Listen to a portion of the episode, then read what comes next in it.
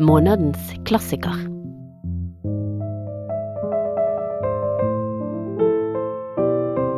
En podkast fra Bergen offentlige bibliotek. De grøsset begge da porten gnisset på hengslene. De ventet et øyeblikk i stillheten og holdt pusten. De så på hverandre. Han holdt porten åpen for henne. Hun smilte til ham med et muntert blikk, men han kunne se at hun var trett. Det hadde vært en lang dag for henne, og nå var klokken to om natten.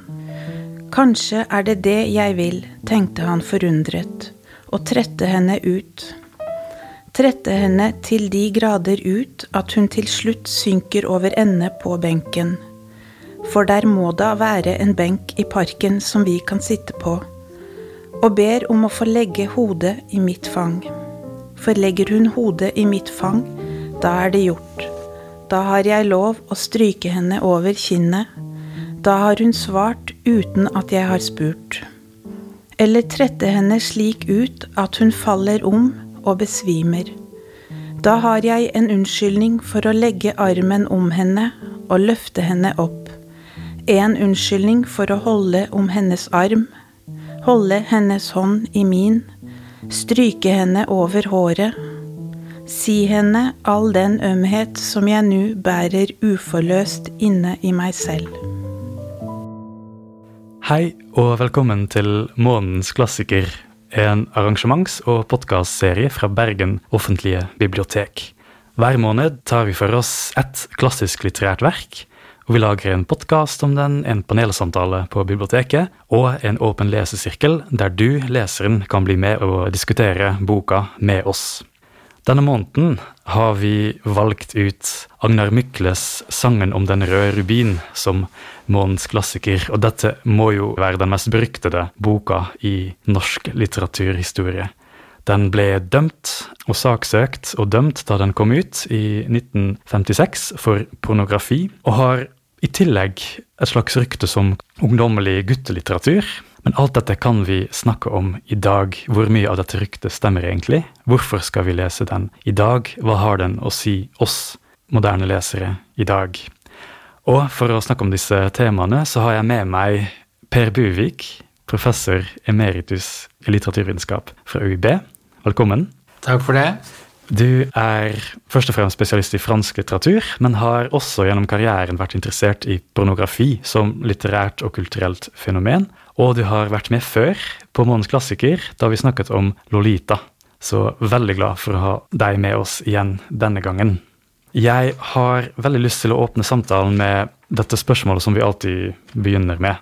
Hva er en klassiker? Hvordan definerer vi dette begrepet en litterær klassiker? Og hvordan passer den definisjonen til boka vi har for oss i dag, 'Sangen om den røde rubinen'?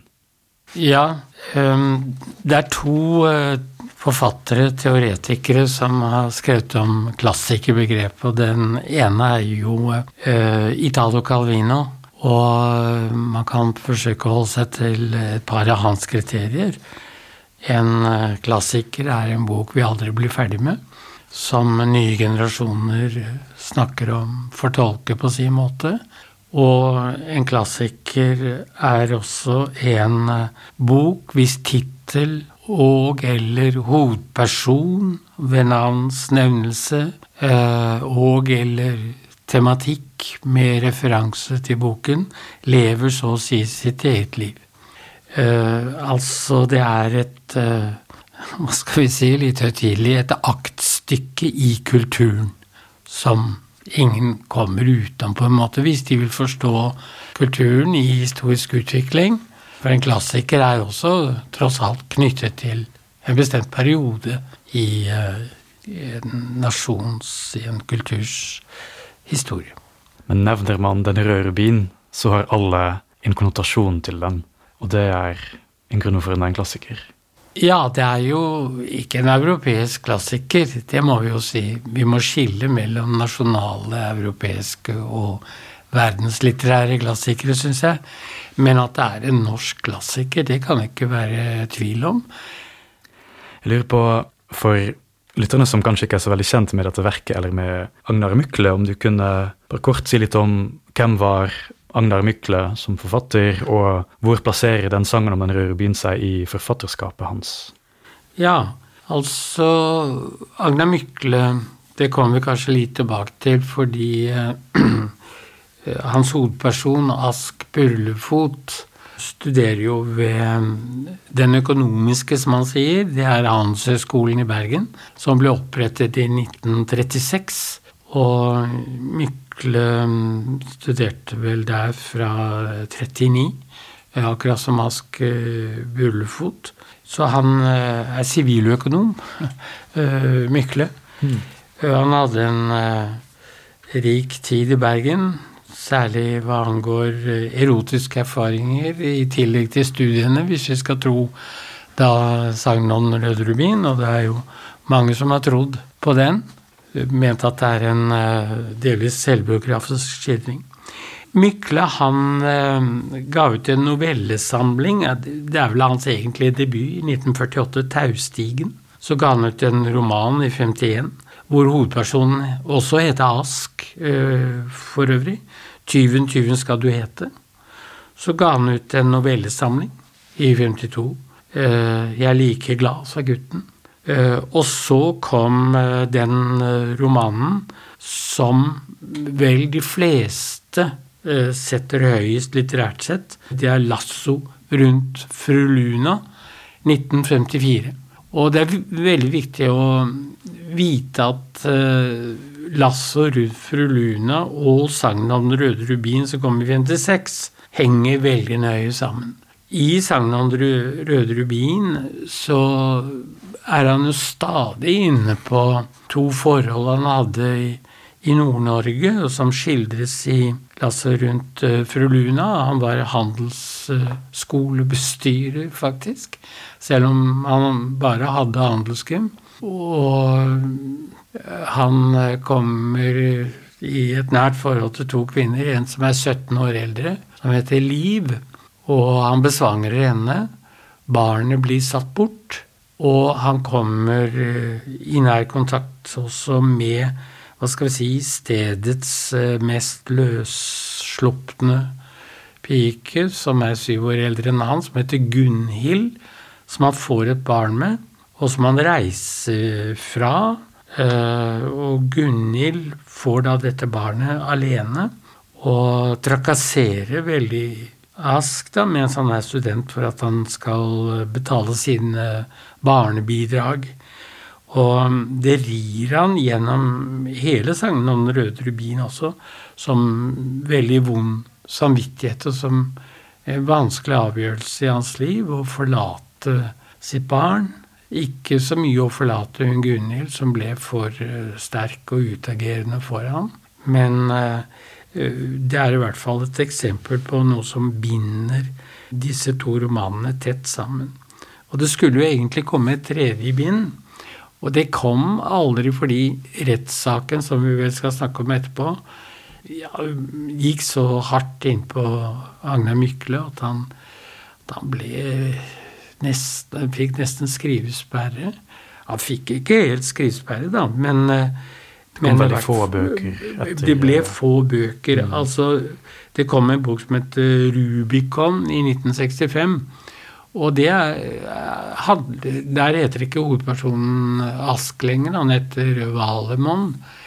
Og han foretar en reise i Europa til Paris Eh, som det er mye snakk om på planstadiet i sangen om Røde rubin. Men det kan liksom ikke leses som en del av det som da skulle bli en trilogi.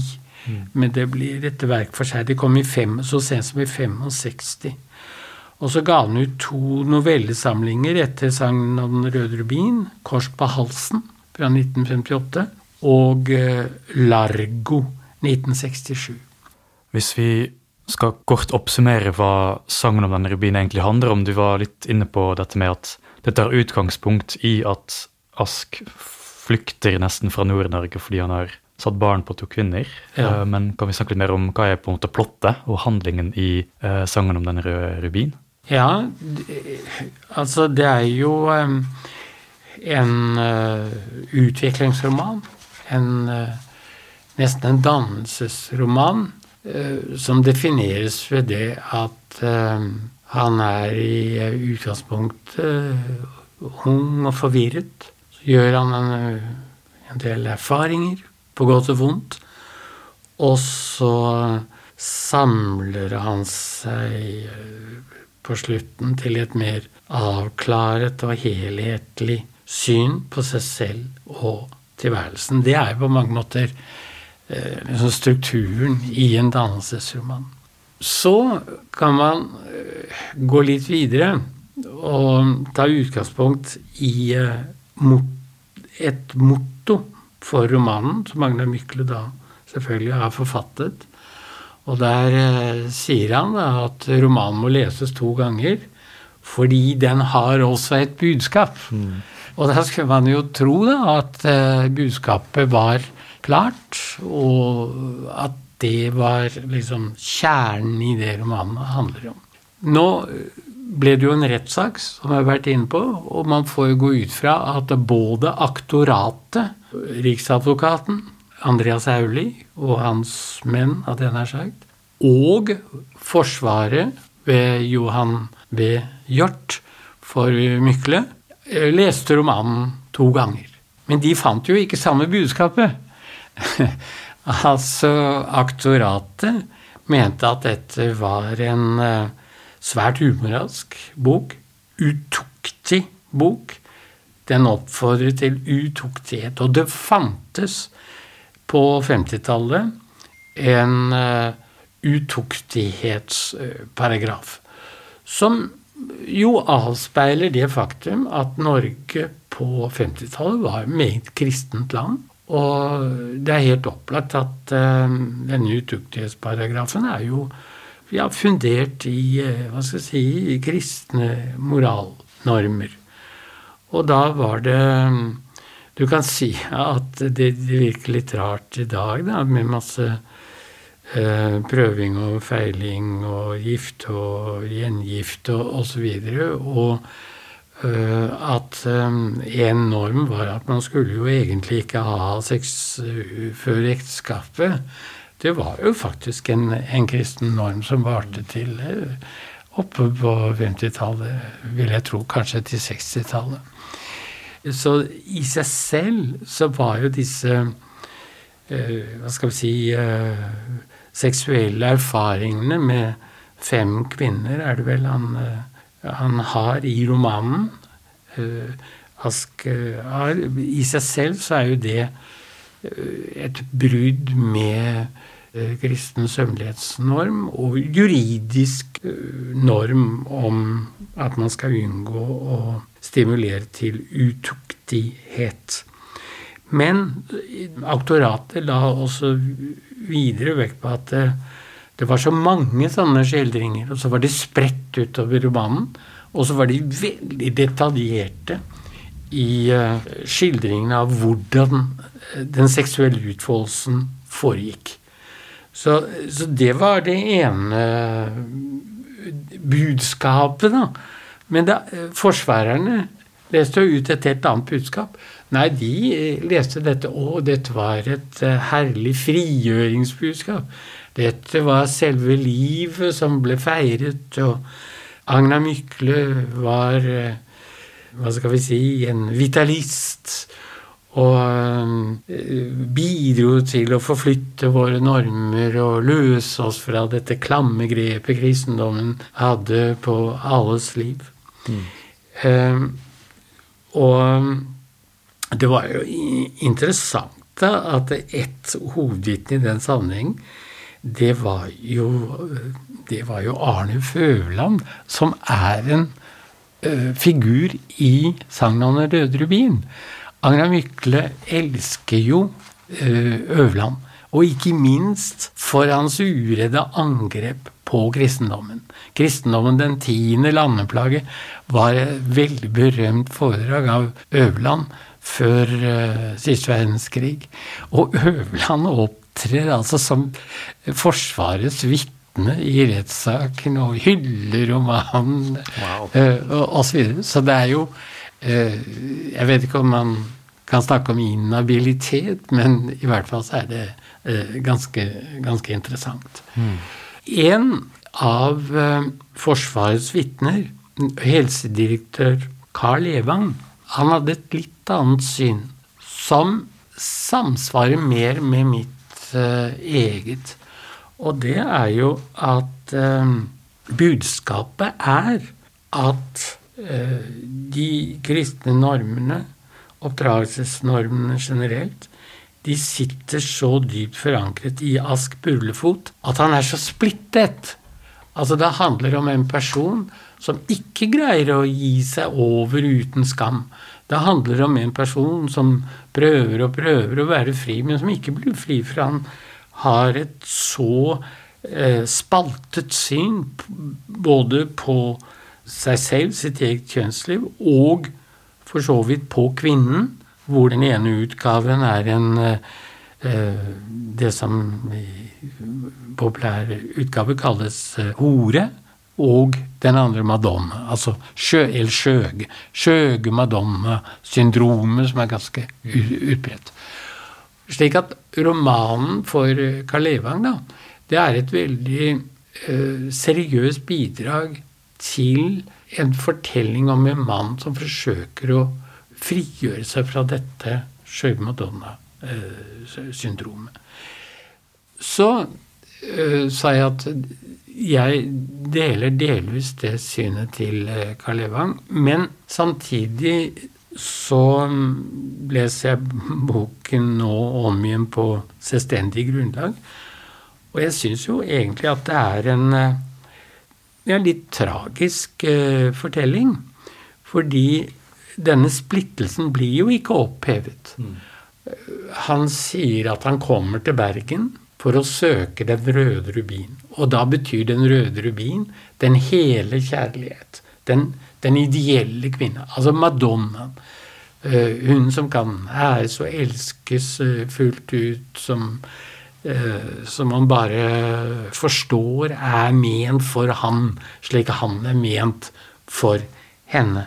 Og alle disse kvinnene, altså fem kvinnene som han ligger med, slik det blir skildret i romanen, de er liksom stasjoner på veien.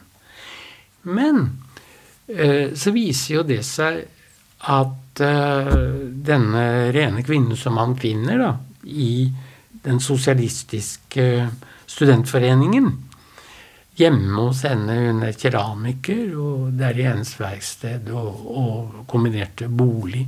Han møter henne i sånn studiesirkelsammenheng. Veldig smart og kunstnerisk og Veldig Attraktiv, smart ja. og virker frigjort og alt mulig sånn. Men så viser det seg jo at han Altså, han, kan, han begjærer henne ikke. Uh, altså, hun er bare idealisert og opphøyd, ikke sant? Og så eh, Og dette kan vi kanskje sitere et lite avsnitt om eh, etterpå, men jeg tar det akkurat nå. Men så viser det seg da at eh, hans største, første store opplevelse med henne, som er da helt kjønnsløs Det handler om en tur i Nygårdsparken etter et årsavslutningsball på Handelshøyskolen. Og slik åpner romanen. ikke sant? Slik åpner romanen, og slik slutter den nesten også. ikke sant? Nesten, fordi det er en koda. Tilbakeblikk. Ja. ja. Der i den store opplevelsen i parken, det er at han opplever en hva skal vi si, sterk følelsesmessig nærhet. Sitrende følelse.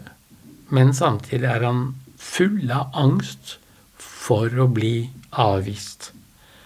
Så han erklærer seg ikke, som det står. Mm.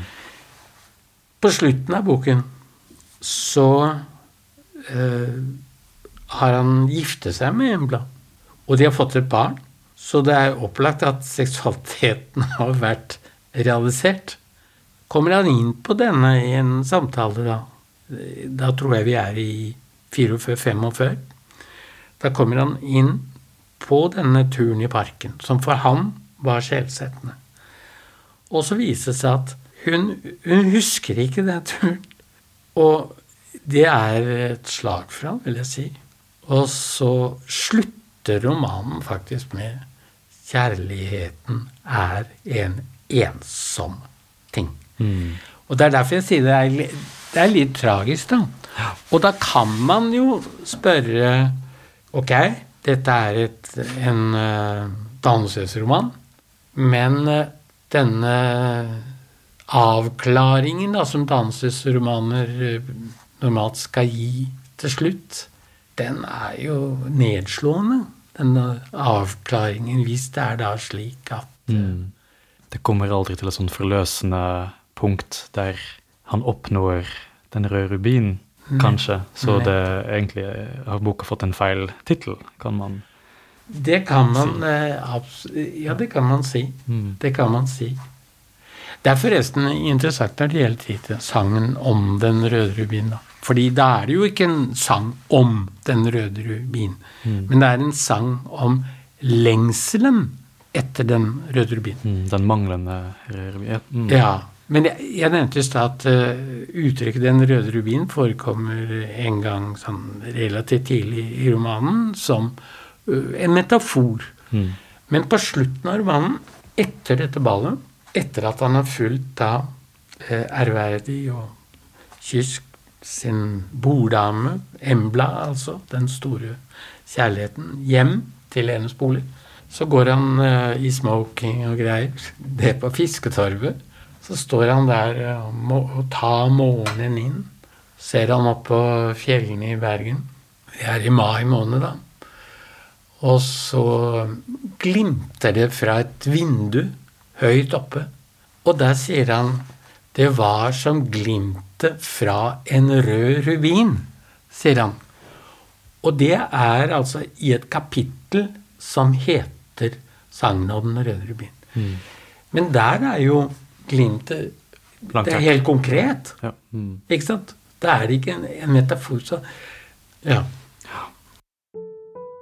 Han visste hun måtte være noe utenfor det vanlige, og dog fylt av menneskelighet. Han visste at i samme øyeblikk som han så henne, ville han elske henne. Han visste usvikelig sikkert at han allerede bar hennes bilde i sitt hjerte, negativet av hennes bilde. Lyset fra hennes øyne ville fremkalle bildet, så ville hun stå der lys levende, unnfanget av hans ville lengsel og født av hans brennende håp. Henover en lang strand skulle de gå mot hverandre, og de ville møtes, og han skulle se hennes ansikt, og han skulle vite, ti han hadde visst det fra evighetens begynnelse, og han skulle se hennes ansikt, hennes ømme blomsteransikt, og der skulle leke fugler dypt i hennes øyne, og kjærligheten skulle stå dirrende ved hans side, som et spyd kastet fra det høye, som et spyd i sanden, og hennes vidunderlige ansikt, hennes ansikt, hennes blomsteransikt, og han skulle ofre sin ungdoms stolte ukrenkelighet i samme nu som han så henne. Han skulle lukke henne inn i sitt hjerte for alltid. Han skulle kjenne henne i samme sekund som han så henne, og rolig, med ansiktet dekket av fullbyrdelsens og takknemlighetens varme tårer, skulle han be. Sett meg som et seil på ditt hjerte, som et seil på din arm. Og rolig skulle hun ta hans hånd. Ungdommens blinde, fortvilte vandring skulle være til ende. Han skulle se hennes ansikt og hennes øyne, og han skulle vite. Men han så henne intet sted. Hun gikk inn, og han lukket porten efter henne, og han visste at han ikke skulle få mot til å blotte sitt hjerte. Men ikke sant? Altså, denne boka har jo en sånn rykte, sikkert pga. rettssaken, om sant, dette med erotikken og pornografien og det der utuktige. Men det føles som om det, det der omdømmet jobber veldig mye mot den boka. Det er litt sånn at, ikke egentlig, at vi går glipp av et mangfold av betydninger som det egentlig ligger der, men som vi lar oss blende litt av den der rettssaken og den der pornografiryktet. Og hvis jeg forstår det riktig, så kan boka like mye tolkes som slags aktivt oppgjør med de der to tradisjonelle kvinnerollene eller kvinnesynene som vi har i den vestlige kulturen, og som sitter på en måte veldig dypt. Dette med sant, den Madonna versus den kjølige horen, eller som Mykle ikke kommer helt ut av likevel, da. Mm. Så er dette noe som kan gjøre denne boka relevant for oss i dag også? At det er en sånn ting som vi fortsatt kanskje ikke er helt ferdig med når vi ser på dagens uh, ja, diskusjoner om feminisme og ja. Ja, det, det kan du godt si. For øvrig så er det jo nesten med alle klassikere slik at uh, de må leses på nytt og på nytt av nye generasjoner. Og de har alltid noe annet og nytt å si i forhold til hva som allerede er sagt, da. Mm. Så ja. Altså, Anders Heger syntes jo Eller det virket som han gikk langt i å mene at uh, dette syndromet, da, som også Freud skrev om Freud skrev om den vanligste fornedringen i kjærlighetslivet, skrev han en artikkel om i uh, 1912. Men det virket som Anders Heger da mente at uh, Ask Burlefot lever i beste velgående i dag, i, også i dag, i virkeligheten. Mm. Dette synet er fortsatt Ja, det Ja, det synet er mm. altså at noen kvinner er lettvinte og lettsindige og lette å erobre og viktige som stadium på en vei mot en hva skal vi si, mer fullbrakt kjærlighet, da, mot en rødere vind. Det er jo ikke til å unngå at uh, noen feminister har også kastet seg over sangen om Rød vin. Og det interessante med, med feministenes lesning, da, det er eh, på den ene side at eh, de er moralske. De er moralsk indignerte. Men de vil ikke ha den inndratt sånn som eh, den kristne og den juridiske lesningen på aktoratets side. Det er, eh, det er helt klart. Men noe annet som også er slående, det er jo at de entydiggjør romanen. Romanen er jo, som alle store romaner i mine øyne, kompleks, sammensatt, til dels eh, selvmotstridende. Mens den feministiske lesningen er bare ute etter én ting. Det er å vise hvor eh, voldsom, egosentrisk og eh, maktutøvende og fallokratisk Ask Burrefod er. Og det er klart at det er en side ved Ask Burrefod. Ja, det er han, men han er også En mer. følsom ung mann er jo veldig opptatt av uh, følelser. Det, det skriver han og, også om, og det kommer frem i romanen. Mm. Men uh, hvis vi også til slutt kan snakke litt om eh, altså Ask Burlefot, da, denne hovedpersonen, eh, som jo for meg virker som en sånn hovedperson som ikke helt skjønner Eller jeg blir ikke helt sånn enig med meg selv om hva jeg egentlig syns om han. For han er liksom både usympatisk, men også veldig gjenkjennelig og på en måte sympatisk og morsomt å følge med. Og, og så ja, lurer litt på liksom Av og til vanskelig å skjønne hvor mye ironi er det som Agnar Mykle da beskriver denne hovedpersonen med, og hvor mye alvor er det i det. Og så kommer også dette med hvor mye er Ask Bullefot Agnar Mykle, eller en yngre versjon av Agnar Mykle? Hvor mye er dette som virkelighetslitteratur å betrakte? Vi vet jo at dette var også en ting som dukket opp i rettssaken, at han i høy grad har brukt levende modeller for å, for å basere sine karakterer på bl.a. disse kvinnene, da, som han beskriver. Um, men um, en vanskelig hovedperson å, å Ja, mm, altså Hvis vi kan dele det litt opp, det, det du sa nå, fordi um, eh, ta, La oss ta hovedpersonen først. Ja. Altså, handlingen utspiller seg for det meste i 39 eller 1939-1940. 41. og romanen ble skrevet på 50-tallet og utgitt i 56. Altså en 15-16 år etter. Ikke sant. Og bare i den avstanden mellom den unge Mykle som student og den skrivende Mykle som forfatter Han er jo da forfatter, for han har jo skrevet 'Lasse og Rund Luna' før, og, og, flere andre som jeg nevnte til å begynne med. Så ligger det jo en eh, distanse. Han, han Ok, det er selvbiog veldig mye er selvbiografisk, men eh, det er ikke identitet det kan ikke bli identitet mellom den som skriver, og den, den som skriver, skriver om. Mm. Altså, det er berøringspunkter, det er felles erfaringer osv. osv. på detaljnivå. men øh, samtidig så er det klart at det, bare pga. tiden, og ikke minst pga. skriften, så må det være en viss form for distanse. Mm. Og det er jo det som gjør det mulig også for, eh, forfatteren å nesten harselere med sin hovedperson. ikke sant? Og du sier han er ironisk flere ganger. Mange ganger så kan vi ikke gjøre annet enn å le av han, ikke sant? Mm, uh, vi syns han er uh, helt håpløs. altså, jeg har jo lyst til å uh, kanskje lese et lite utdrag som da understreker dette med splittelsen i han. Hvem var sterkest i den unge mann Ask? Romantikeren eller sensualisten? Han visste det ikke.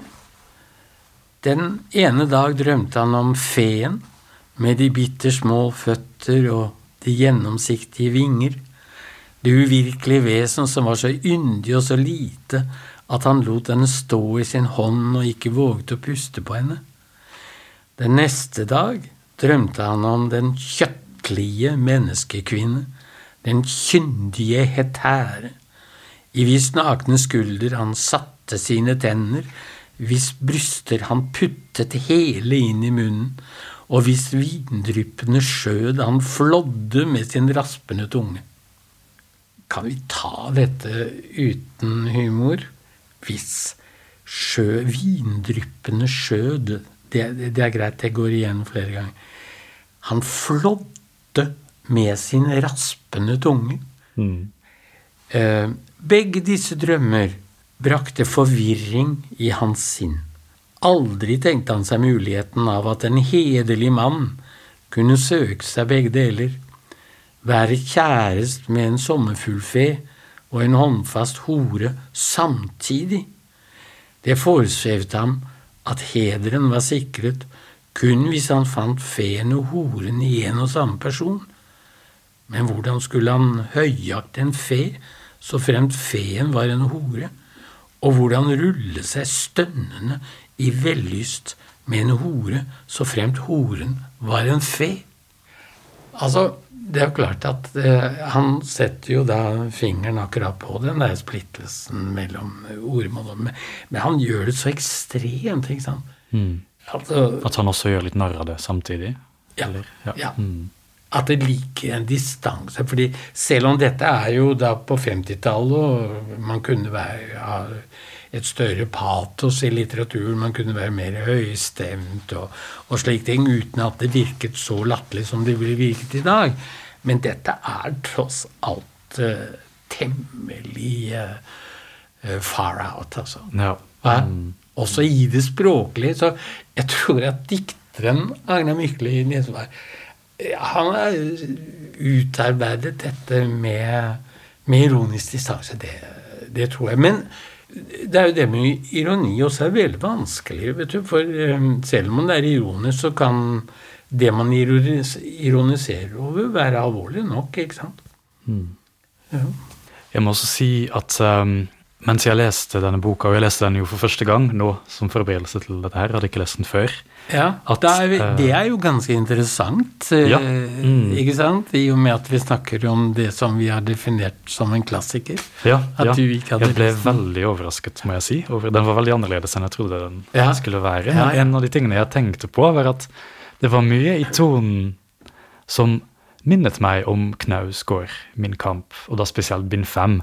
Jeg synes det er noe med de der detaljerte beskrivelsene av det der studentlivet, studentbyen Bergen også, ikke minst. Men ikke sant, innenfra dette unge mennesket, sånn full av selvtvil og uh, usikkerhet, samtidig som det kommer også opp sånn stormannsgalskap og pluss en sånn følelse om at det er veldig virkelig, da. Eller det føles nest, altså det føles som virkelighetslitteratur, selv om jeg kanskje ikke visste Mm. før at det var i den høy grad basert på virkelige modeller, da. Mm. Men um, blir det riktig å se Agnar Mykle også som en slags foregriper av virkelighetslitteraturen, som jo er så rådende og så dominerende i dag? Og er det en interessant måte å se den på, eller er det Ja, altså um, Først så det er jo interessant at du uh, trekker frem Knausgård, da, fordi øh, jeg tror nok at Knausgård har lest Agna Mykle, det, det tror jeg. Og så når det gjelder da dette spørsmålet om såkalt virkelighetslitteratur, så som øh, på fransk og engelsk kalles for autofiksjon ofte, ikke sant, så er jo det er jo absolutt relevant. Altså, Anders Heger går vel veldig langt i, og biografen til Mykle går vel veldig lang tid å identifisere Ask og Agnar. Men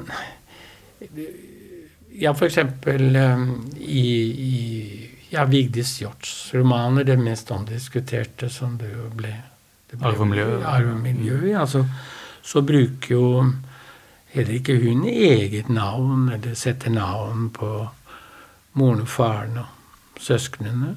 Og det gjør jo ikke da Mykle heller, men det gjør jo Knausgård, ikke sant? Så Knausgård går jo et skritt videre, så det, det er ikke helt parallelt. Det, er, er det, det, det, blir, det skjer jo noe annet når du bruker det rette navnet, gjør det ikke det? mm. Men at, uh, at Mykle absolutt uh, er med å berede grunnen for det vi senere da har kalt virkelighetslitteratur, det, det er jeg med på. Men for meg er det altså Selve det der begrepet virkelighetslitteratur, det er uh, for meg veldig komplisert, altså. Mm. Fordi det er språklige konstruksjoner det handler om i, i begge tilfeller, og som kan ligge tettere eller mindre tett opp mot virkeligheten. Men det er jo mange som sier at hva er virkeligheten? Jo, virkeligheten er skapt av det språket vi bruker om den, ikke sant. Så virkelighetslitteratur det forutsetter et veldig enkelt syn på forholdet mellom språk og virkelighet. Virkeligheten ligger der, liksom, som om den ikke var språklig konstituert. Og så kan eh, forfatteren som skriver, bare gå ut og skrive den av, så å si. Ja. Mm. Eh, det er litt eh, naivt. Ja. Selv hos Knausgård ligger det jo voldsom eh, skaperkraft i, eh, i mye av det han skriver. Mm. Og en forvandling gjennom det skrivende, Ja, skrivende ja. prosessen. Ja, ja. Mm. ja. Jeg har lyst til å spørre oss litt om en annen tråd, eller en annen litterær tradisjon som man kanskje kan se den litterære, altså den um, røde rubinen i, og det er da erotisk skriving, erotikk, som litterær og kunstnerisk form. ja. Jeg lurer på om du kan fortelle litt om det. Hvordan kan vi definere den erotiske litterære tradisjonen, som jo egentlig er en ganske skjult og kanskje sett litt ned på tradisjon? Og vil du si at sangen og rubin passer i den tradisjonen? Går den liksom inn i den type erotisk skriving, eller syns du at det blir en, en forenkling av rubinen å kalle den det? Ja, altså det er ikke tvil om at uh, hvis du tar ut uh, isolerte samleieskildringer Altså det er jo fem samleieskildringer. Så det er ikke tvil om at du kan lese dem som ja, noen ville si erotiske skildringer, da, og noen og det ble jo sagt under rettssaken, vil si at det er pornografiske skildringer. Men hvis man leser litt før og litt etter, så kommer det jo refleksjoner og eh, dårlig samvittighet og hyllest, eller det motsatte av hyllest av det som skjedde, osv. Så, videre.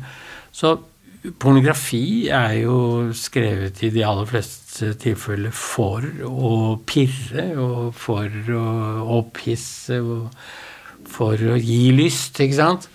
Men jeg har vanskelig for å se at uh, sangen om den røde rubin kan leses pornografisk uh, på den måten. Nei, det er ingen Jeg ser kanskje sangen om den røde rubin mer i um, en sånn psykologisk, realistisk tradisjon. Og den som jeg ser som den kanskje viktigste inspirator, det er faktisk i Norge, det er faktisk Knut Hamsun. Da.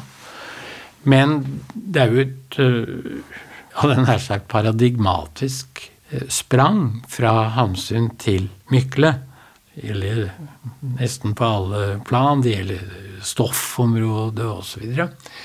Men det gjelder jo også skildringen av det seksuelle. Men Mykle der skjer det. Mykle vil ha det med, og, og der representerer han noe helt nytt. Altså Vi kan gå tilbake til Hans Jæger, som, som skrev uh, om syk kjærlighet uh, på 1880-tallet, 90-tallet. Eh, og han er nokså detaljert, men det er likevel noe helt annet. Så mm, altså Det er det for øvrig om en som det ble rettssak om samtidig med Mykle, nemlig Eller litt etter Mykle, nemlig Henry Miller, eh, Sexhus. Det er jo også veldig vanskelig å gjøre det til ren pornografisk litteratur, fordi det er så der er det også så mye refleksjon og selvrefleksjon og eh, ironi og eh, patos uh, om hverandre, ikke sant. Ja. Jeg tror det representerte noe helt nytt. Og, og verken juridiske kristne eller vanlige lesere var forberedt på dette. Mm. Men med det hamsynske mener du da den derre psykologisk skildring av, av, et menneske sin innenfra. Og at uh, Ja, i alle sine motsetninger ja. og mm. all sin rarhet og ja, ikke minst sånne selvmotsigelser og uh, Altså, Hamsun er jo mye bedre, det, det, altså, det er jo helt klart. Mm. Det, det, det, mener jeg. Men uh, fordi han er knappere, ikke sant. Han kommer med Nei, han er bedre språkkunstner, det er ikke tvil om det. For Mykle blir litt for utflytende. Han blir eh, en høystemt, eh, svermerisk romantiker på en helt annen måte, altså. Og, og bare den lille passasjen jeg leste, hvor du ser ironi, mm. Eh, i hvert fall mulig ironi lagt inn, og det gjør jeg også. Bare den passasjen jeg leste, tyder jo på det at dette, dette går over alle bredder. Mm. Ja.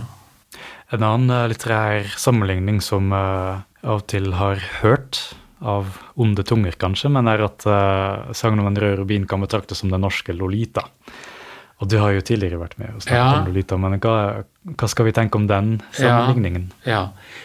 Før jeg svarer på det, så vil jeg bare si at Mykle er jo trukket frem av fremragende forfattere som Dag Solstad, f.eks., som en stor uh, inspirasjonskilde. Uh, Solstad holdt jo han veldig høyt, da.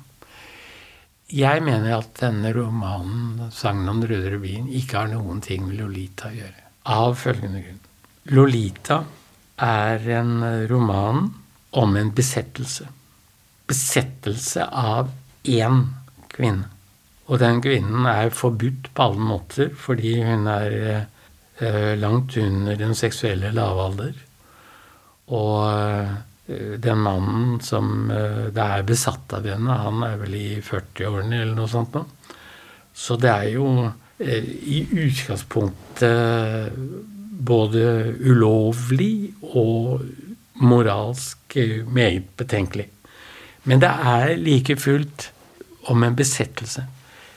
Men det finner ikke jeg noe av i sangen om det røde blir. Han er jo ikke besatt av noen av de kvinnene han boltrer seg med, og han kan ha stor glede av det. Mm. Men uh, de fleste av kvinnene har han jo ikke noe veldig stor glede av uten at han uh, blir bekreftet som mann, ikke sant.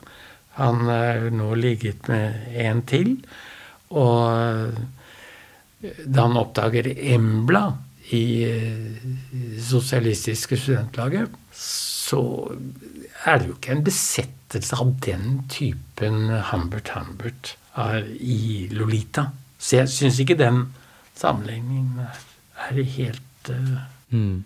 Også når det gjelder det moralske, kanskje, at mens Lolita er en dypt umoralsk bok med en, og leker også med det, liksom det er jo en del av effekten på leseren at du skal grue deg og ja. likevel har glede av språket. Og, mens uh, Den røde rubinen kanskje ikke eller jeg opplever at, at den også, selv om den sant, ble betraktet som utuktig, så er det ikke en umoralsk bok. Eller den er i hvert fall veldig opptatt av moral, føler jeg. Jeg vet ikke om du er enig i det? Jo. Men, uh, ja. mm. jo, jo. Jeg, jeg, er helt enig i det. Og det er veldig uh, merkverdig. Tidlig i romanen så avsverger Aske Gud og alt hans vesen. Men romanen etter det viser jo veldig klart Han ber til Gud, han takker Gud, og uh, Han er jo veldig påvirket av disse uh, ja, kristne normene også, som gir han skam, som uh, ja, får han til å tenke på seg selv som et dårlig menneske, og så, og så videre. Så, så den er veldig Men det finnes faktisk en, et Lolita-innslag i romanen. Som jeg nå har Anders Jegers ord for.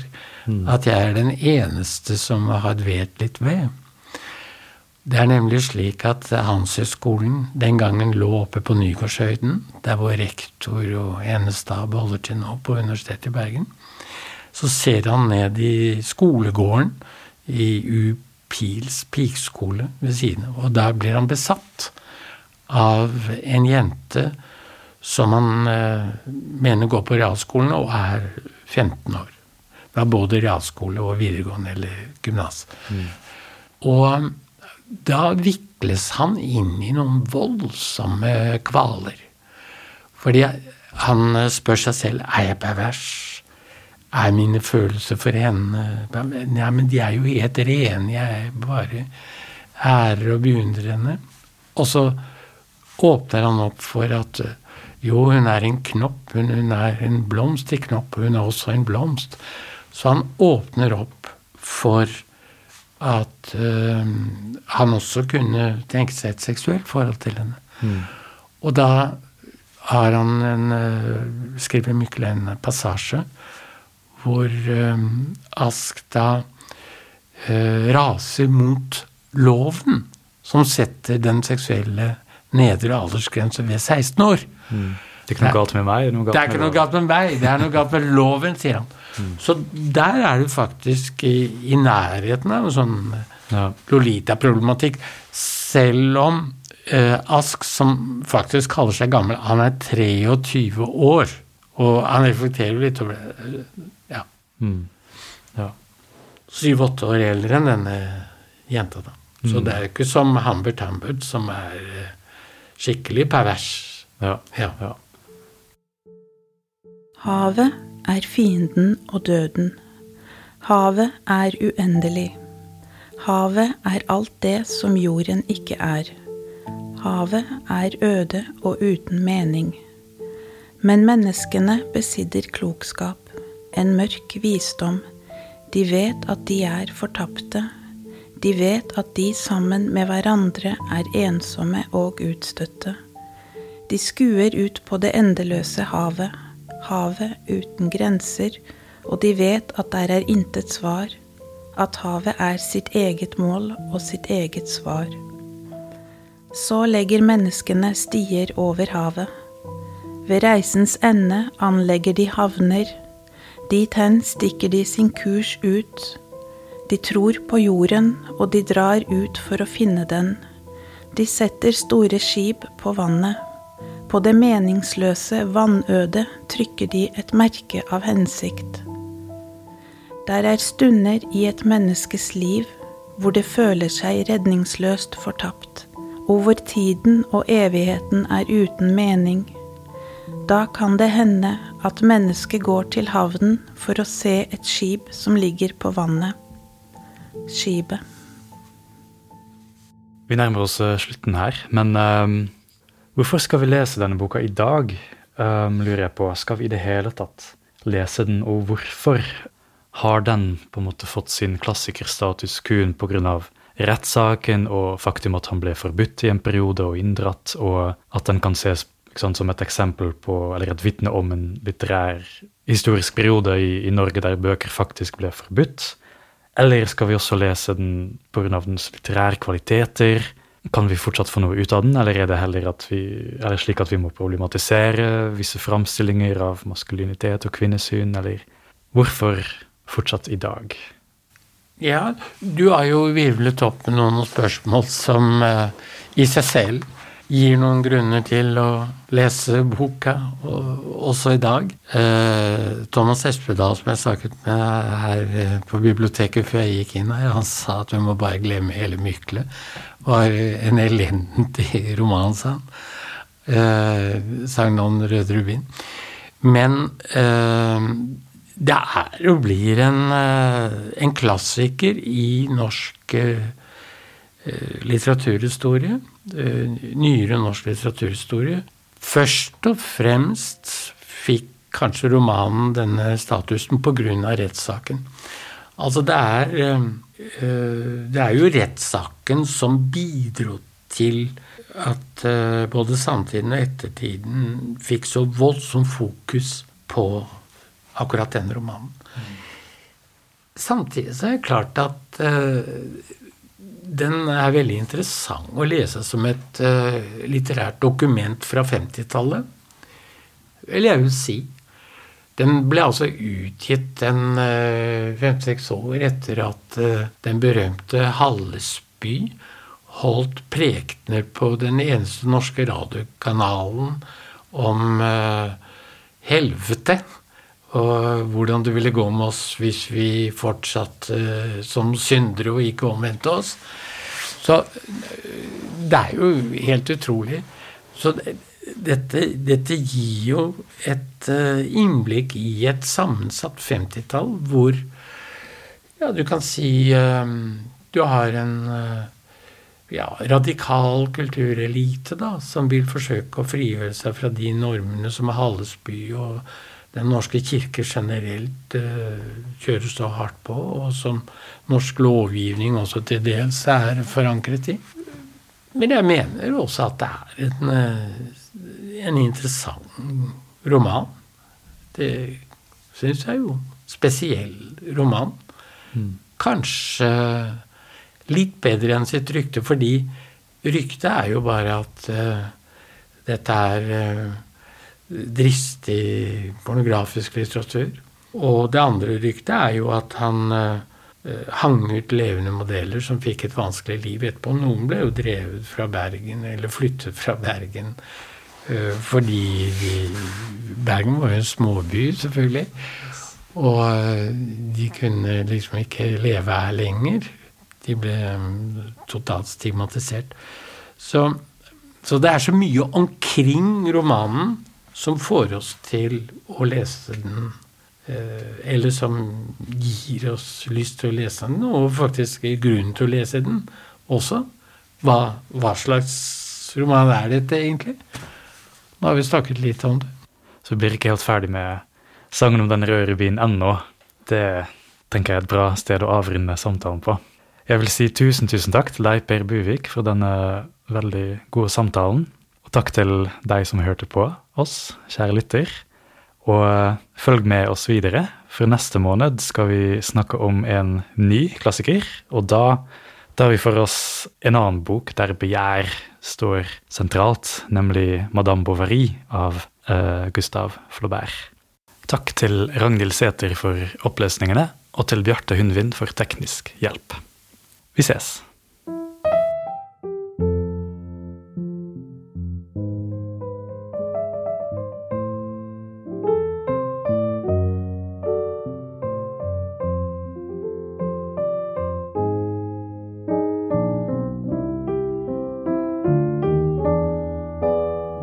Har lytta til en podkast fra Bergen offentlige bibliotek.